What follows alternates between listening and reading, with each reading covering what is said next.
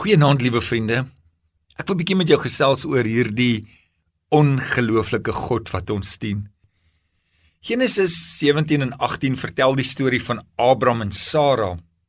En op een plek staan daar en Abraham het gelag en op 'n ander plek en Sara het by haarself gelag dat hulle lewens op hulle hoë ouderdom uiteindelik sou verander met die koms van klein Isak was vir Abraham en Sara ongelooflik.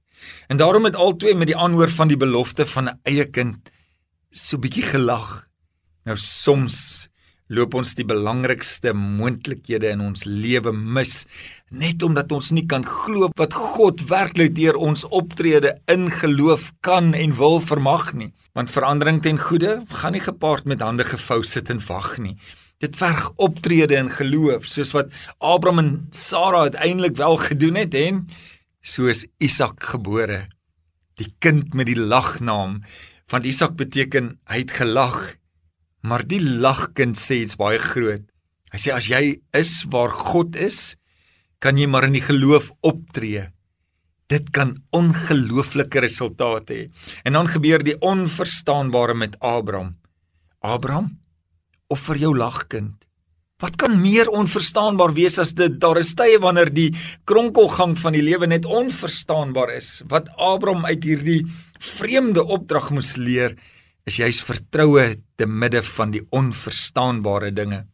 Vroeger het hy altyd 'n plan gemaak en dit lyk of dinge ewe skielik nou skeefloop. Hy was nog altyd op sy manier in beheer van die situasie, maar die keer Hoekom hy hierin beland het, weet hy nie. Hoe hy hier gaan uitkom, weet hy ook nie. En al waarop hy kan hoop, is dat God hom deur hierdie tyd sal dra. En uiteindelik noem hy die plek die Here voorsien, want God was daar. 2 Korintiërs 5:7 sê want ons wandel deur geloof en nie deur aanskouing nie. Verwag die ongelooflike uitkoms in geloof naby God, ongeag die omstandighede wat jy nou self ervaar. Die Here doen inderdaad steeds ongelooflike dinge want hy's 'n ongelooflike wonderlike God. God doen egter ongelooflike dinge wanneer dit sy plan vir sy koninkryk tot uitvoer bring. Here, dit is tog so maklik om beheer te verloor en moeilik om altyd in volle te vertrou. En ek lag ook maar soms heimlik as ek dink my situasie vereis 'n ongelooflike wonderwerk. Help ons om in geloof op te tree. Help ons ook asseblief waar ons nog ongelowig is sodat ons U kan sien wanneer U optree. Amen.